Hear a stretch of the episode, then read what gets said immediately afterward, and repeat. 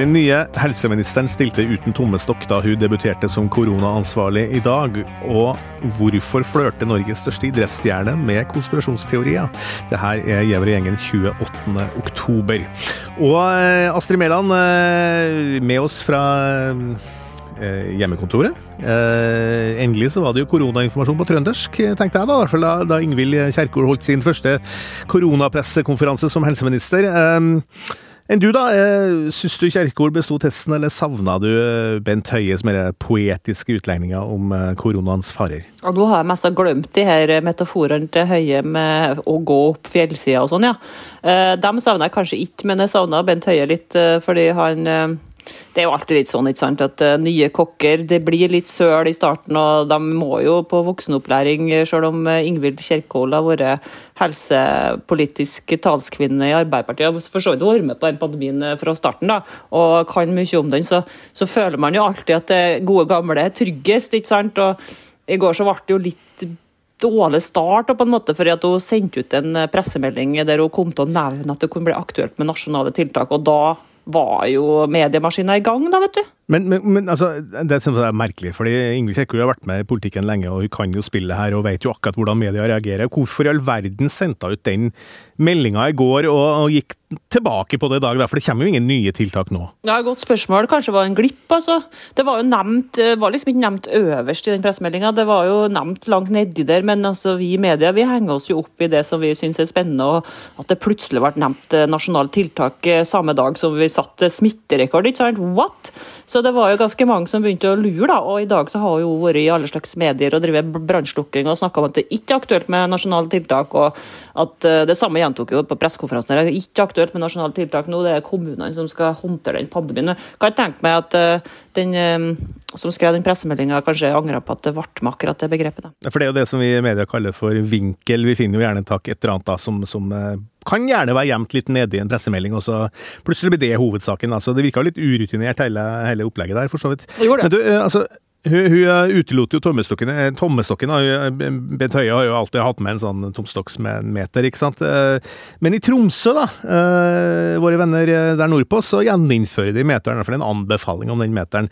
Hva, hva var ellers altså, er, er, er, Tromsø en foregangs... Er, er, Tromsø foran oss i løypa? Kan, vi havne der igjen? At vi må begynne å vifte med tommestokken på nytt også i andre deler av landet? Ja, kan det, altså. Kan det. Og det er jo kanskje noe med at Eh, vinteren eh, er kommet til nord.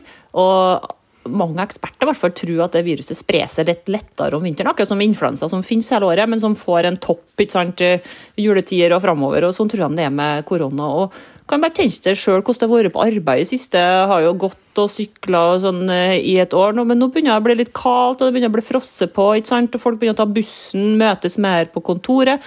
og Det kan føre til at det blir mer smitte òg, så det er ganske ille oppe i Tromsø nå. Selv om det er ganske små tall, så er det ille for dem. fordi at 17 eh, innlagte, eller 21 var det vel kanskje her om dagen, det er mye for et eh, sykehus som UNN, da, som eh, tross alt ikke er det største sykehuset i Norge. Men så har du det rare oppi der også, at, uh, er jo at man skal, det, det er anbefalinga her. da, ikke sant? Og Samtidig skal det jo det er, altså det er ikke noe påbud med, med, med meteren eller med munnbind på, på trikk. De har ikke trikk i Tromsø, kanskje? Nei, det er buss. Uh, anbefalinga, men det skal fortsatt være lov å gå på fotballkamp, gå på konsert, gå på bar. Så hvorfor altså Det anbefalingsregimet der, er, er det jeg synes det, Er ikke det litt sånn dva, dvaskt, egentlig? Det enten, må, enten må du ha et eh, konkret påbud eller et forbud, eller så må du bare la det være. Ja, det er jo litt at de håper på at sånne budskap kan føre, føre til at folk liksom tar litt ansvar sjøl og passer seg, og at folk blir redd rett og slett av det. Det kan jo kanskje tenke på med den pressemeldinga til Ingvild Kjerkol. Hvis du vil se på det i det lyset, så kan det hende at du har lyst til å gi et budskap om at det er litt eh, skumlere nå. og Det gjør jo at folk kan eh, passe litt på egen hånd. og Det å innføre meteren, f.eks., det er jo kjempedyrt ikke sant? for togselskapet, for busselskapet, for eh, restauranter og Kina og sånn, for da må de begynne med de der eh, hersens reglene gjennom å ha bare fire på bordet og avstand og sånn, og det blir dyrt. altså De, de prøver seg for det første gang med, med litt milde råd og håper at folk eh, Eh, til seg litt sammen. Men jeg satt og så på uh, pressekonferansen. Det var jo Kjerkol og de to gjengangerne og veteranene i korona eh, spillet her. Altså Camilla Stoltenberg og Espen Nakstad, som jo vi i pressen bare kaller Naks. De sto jo der, men de virka ganske avslappa. Jeg syns ikke det var altså Det er jo nye Settes jo, om ikke rekorder, så i hvert fall veldig høye tall for tida. De virka ganske rolig likevel. At de ikke frykta noe sånn voldsom oppblomstring eller ny bølge à la det vi så for, ja, for et år siden, f.eks. Ja, helt enig. Og så må det være litt godt da, digg å stå på en scene der og ha nesten to års erfaring, og så, og så står helseministeren der med eh, som er helt fersk, så det er bra at de utstråler litt trygghet. da. Eh, men, eh, men, så er det jo det der med at eh, vi så det jo i august, ikke sant? det kom 10 000 smitte på en uke da. Og så kom de med litt sånn råd og skremsel og litt mer testing og sånn, så fikk vi det ned. Så det er det som gjør at de er litt mer rolige nå. at det er så mange som er vaksinert, da er ikke like mange eh, for viruset å spre seg i fort. sånn at da er det lettere å få ned sånne smittebølger. smittebølge. Men så er det jo litt skummelt vel, da, det kan gå fortere når det er kaldt, og det kan bli vanskelig når det både kommer influensa og alt mulig annet hersens eh, hersk attpå. Så da, det, da, kan det bli travelt på sykehuset. Ja, hvordan, du, helt til slutt, den tredje dosen som det snakkes om, er den nå i pipeline? Er det sånn at de folk som er over 65 får det tilbudet nå, eller har, de allerede fått det? Hvordan, og, og, I Sverige innfører de det jo for alle vaksinerte, dvs. Alle over, eh, over, 18, vil jeg tro. da, kanskje. Er det, er, det, er det, også noe som vi kan fort havne Altså at vi blir, kommer dit i Norge også? Godt spørsmål. Ingvild Kjerkol hun gikk fryktelig mye rundt grøten i dag og ville nesten ikke svare på noen ting. Så Sånn sett så var det litt kjedelig pressekonferanse. Hun bare henviste kommunene og henviste til ekspertene. Og vi sporer om det der, om vi andre under 65 snart får uh, tredje dose, vi òg. Det vil jeg ikke svare på, men jeg tippa det. At det kommer vi til å få. Kanskje uh, på slutten av året for de eldste under 65 år, og så neste år for uh, for de andre kan tenke deg sånn seks-sju måneder etter at du fikk den siste dosa di, så kan det hende at det begynner å bli eh, på tide. Eh, og når det gjelder de som er over 65 år, så er de forsinka der, altså. De skal jo egentlig skulle jo egentlig ha hatt satt tredje dose nå, men det er noe med at de holder på å prakkes med det her influensavaksineringa. Mangler noe kjøleelement og noen biler og noe greier. sånn at det, det er vel ja, først neste uke at de virkelig får rulla ut den tredje dose.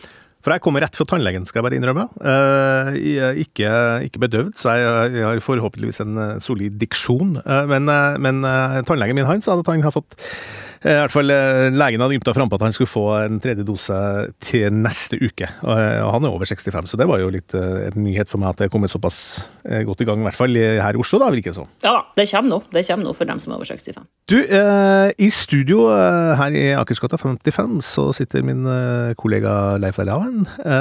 Og i går kveld, Leif, og i dagens avis, da, så har vi en sak om at selveste Erling Braut Haaland ja, jeg kalte den vår største idéstjerne, det tror jeg kanskje ikke å ta i for mye akkurat nå. i hvert fall. I, en story på Instagram da, fronta klær fra selskapet No, no Choice og briller fra Ra Optics. Og eh, Det høres jo ikke så veldig oppsiktsvekkende ut akkurat det, da, men eh, Leif, hvorfor er dette en sak for oss i VG? Det handler jo om at uh, idrettsstjerner er uh, forbilder, og da, da, må man jo undres over i hvilken grad man er sin egen uh, posisjon bevisst. Og det er altså noe spesielt hva, altså, hva, gjelder dette klesmerket som heter no, no, Choice. Og han har altså der også lagt på ordet 'protected'. Mm. Poenget, altså beskyttet, beskyttet, ja. Mm. Og poenget altså, med dette er jo da at disse klærne altså, angivelig skal beskytte mot elektromagnetisk stråling og 5G. Og det, det vitenskapelige ja, Nå, nå, nå syns jeg begynner å komme latteren litt fram her, Leif. Nei, altså Det vitenskapelige grunnlaget er vel ikke akkurat uh, til stede. Nei, og uh, fra, fra, fra, fra spøk til alvor så er jo spørsmålet om en idrettsstjerne på den måten, bevisst eller ubevisst, uh, sannsynligvis det siste, altså er med på å gi grobunn for konspirasjonsteorier.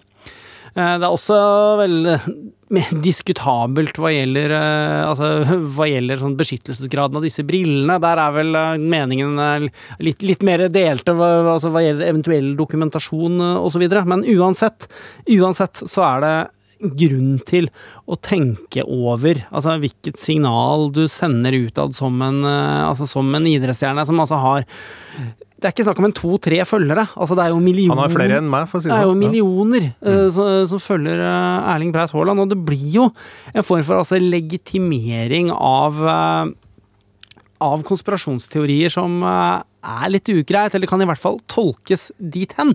Og jeg tror nok at Erling Braut eh, Haaland ville gjort lurt i å være litt mer selvkritisk eh, rundt hva han altså, eksponerer seg selv i og med. Men hvor, hvor bevisst tror han altså Det blir jo spekulering, for så vidt. Hvor bevisst den fra det han gjør? Altså, er det, er det men Går det et inntrykk av at han tror faktisk på at det her hjelper det er vanskelig å si. altså, Faren hans, altså Alf, Alf Inge Alfie Haaland har jo eh, etter litt eh, om og men eh, altså svart VG, og, og, og så forklaringen derfra er at de mener at VG blander inn mange ting som Erling ikke kjenner seg i. Og faren forteller at han har brukt slike briller i mange år og mener at de utgjør en forskjell, og at når det gjelder disse klærne fra No Choice, så svarer også pappa Haaland at han liker noen av produktene de, de har, men at det ikke betyr at han går god for budskapet osv. Men når han bruker ordet protected, så er det jo, det gir jo et eh, visst signal her, da. Ja, altså, han blir jo en uh, plakat for uh, Altså for, for, for et produkt som i hvert fall kan knyttes til en hel mekanismer i samfunnet som er ugreie. Og det føyer seg altså litt inn i rekken av en eh, Altså at idrettsstjerner ikke alltid tar de mest gjennomtenkte valgene med tanke på hvem man ønsker å bli forbundet med. Da. Hvis vi kommer litt eh, inn på det, Leff, bare først spør deg, eh, Astrid. Bruker du klær fra No Choice? Er du, er du, la meg si det sånn, er du redd for 5G-stråling? Uh, nei, det er jeg ikke. det var et lakonisk svar, som vi sier. Ja. Jeg er ikke redd for 5G-stråling, og jeg bruker Men det er, det er Choice-greiene det har jeg ikke hørt om. Nei, du trodde det var med hotellkjeden Choice å gjøre? Ja. Det er noe helt annet. Ja. Du, altså, vi har en, eh, en, som av og til pleier å skrive VG også, som heter for Jon Færseth, som er en av de som kan mest om konspirasjonsteorier i Norge. Han, han beskriver jo det her Eh, som veldig veldig skummelt, da, eh, og at det har et element av konspirasjonsteorier. og På Facebook så har han lagt ut i dag at selskapet, da, det er No Choice han, han, tenker på her, da, mener at klærne deres hjelper mot ca. alle sykdommer. Snakker om uh, mørke krefter som bruker stråling som våpen, og støtter en organisasjon som er assosiert med QAnon, altså den konspirasjonsteorien, skriver Ferseth. Nå er ikke det selskapet her til å svare for seg, men, men det er jo uh, Altså, vi er inne i en veldig ullent, sånn ekkelt landskap her. Ja, og spørsmålet er liksom fra Haalands side. Hva er poenget? Altså, Hvorfor i all verden skal du gå ned denne gaten i det hele tatt? Mm. Og da er vel Så var det etter mitt syn at eh, det burde han ikke ha gjort. Og det er noe som følger med å bli et idol og et uh, forbilde for så mange mennesker som idrettsstjerner faktisk blir. Det fordrer uh, en viss skjerping hva gjelder hva man vil, vil, knyttes til. Og selv om jeg tror på pappa Haaland at dette ikke stikker så dypt at man skal ikke la noen konspirasjon om konspirasjonsteorien, så er det et uheldig signal uten tvil, og fremstå som en bokstavelig talt altså posterboy for konspirasjonsteorier. Men ja, altså, jeg er helt enig, det er jo veldig merkelig. Altså, jeg synes jo eh, det fikk litt, litt, sånn, litt sjokk da jeg så den nyheten, for det, så, det, har jo vært såpass mye snakk om konspirasjonsteorier også i, i, det siste. da. Uh, men du, du, du, nevnte jo det, det med at idoler, sånne superstjerner, må være liksom litt nøye med hva de velger her og fronter her i livet, og, og da tenkte vi jo Du nevnte på morgenmøtet i dag at en annen eh, fotballstjerne som kanskje slutt, ja, for 20 år siden snart, David Beckham, han er nå skal være posterboy og frontfigur for Qatar-VM. Hva, hva syns du om det? Altså, han får jo store summer for å rett og slett fronte Qatar-VM. Trenger han mer penger? Ja, det kan du godt si. Det gjør han vel Burde han vel egentlig ikke gjøre. Men klart, alvoret i dette er at dette er altså et uh, mesterskap som, er, som, er høyst kontroversielt. Som ble tildelt uh, på meget ugreit vis, og som altså har medført store mengder død og lidelse, og det er et fenomen i internasjonal fotball hvordan uh, tvilsomme regimer altså bruker de store mesterskapene til å vaske sitt eget uh, PR-image. Men det der vet jo David Beckham ja. også. Hvorfor, ja, så velger han likevel å bli altså, et vandrende vaskemiddel for uh, Qatar-VM. Har jo sett ut som et vandrende vaskemiddel lenge, så står det bare.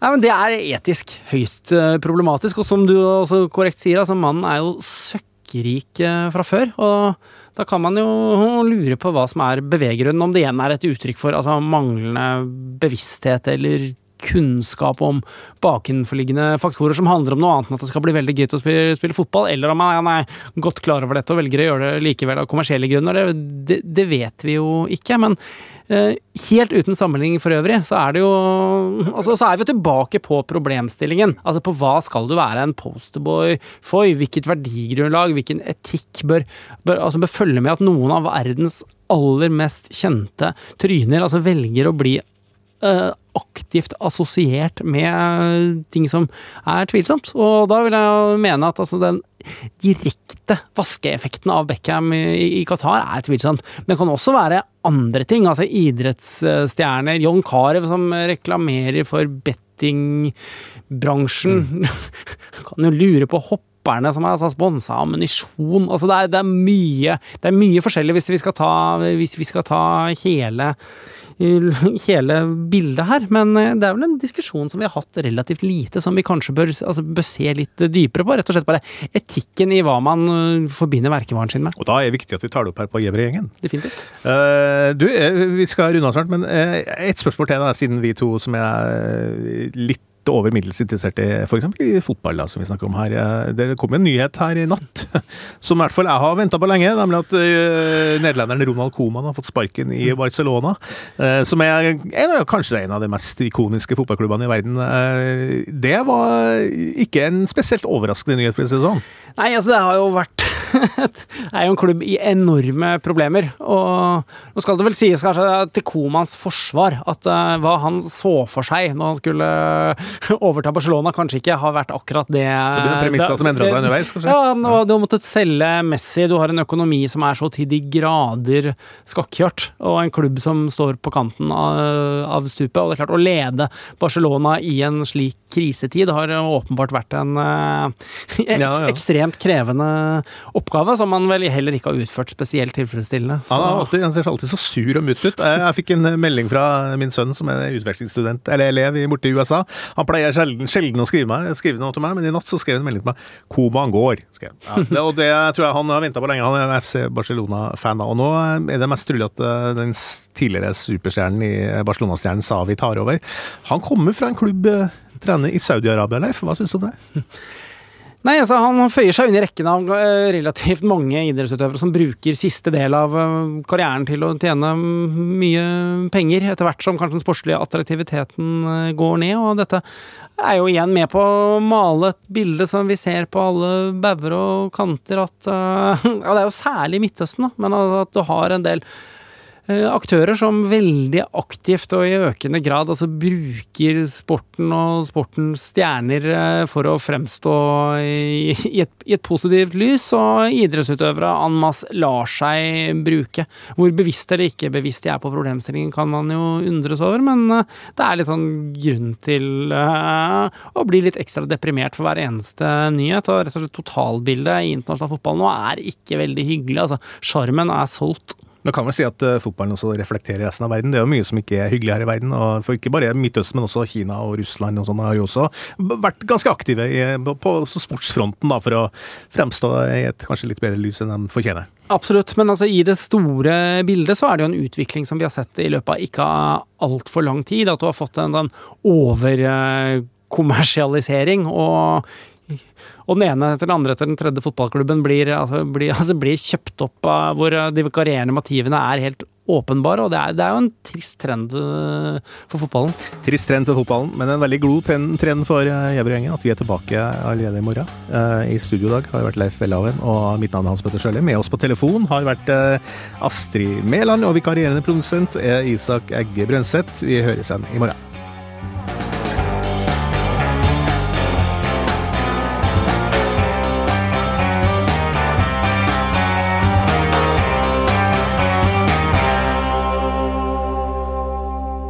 Du har hørt en podkast fra VG.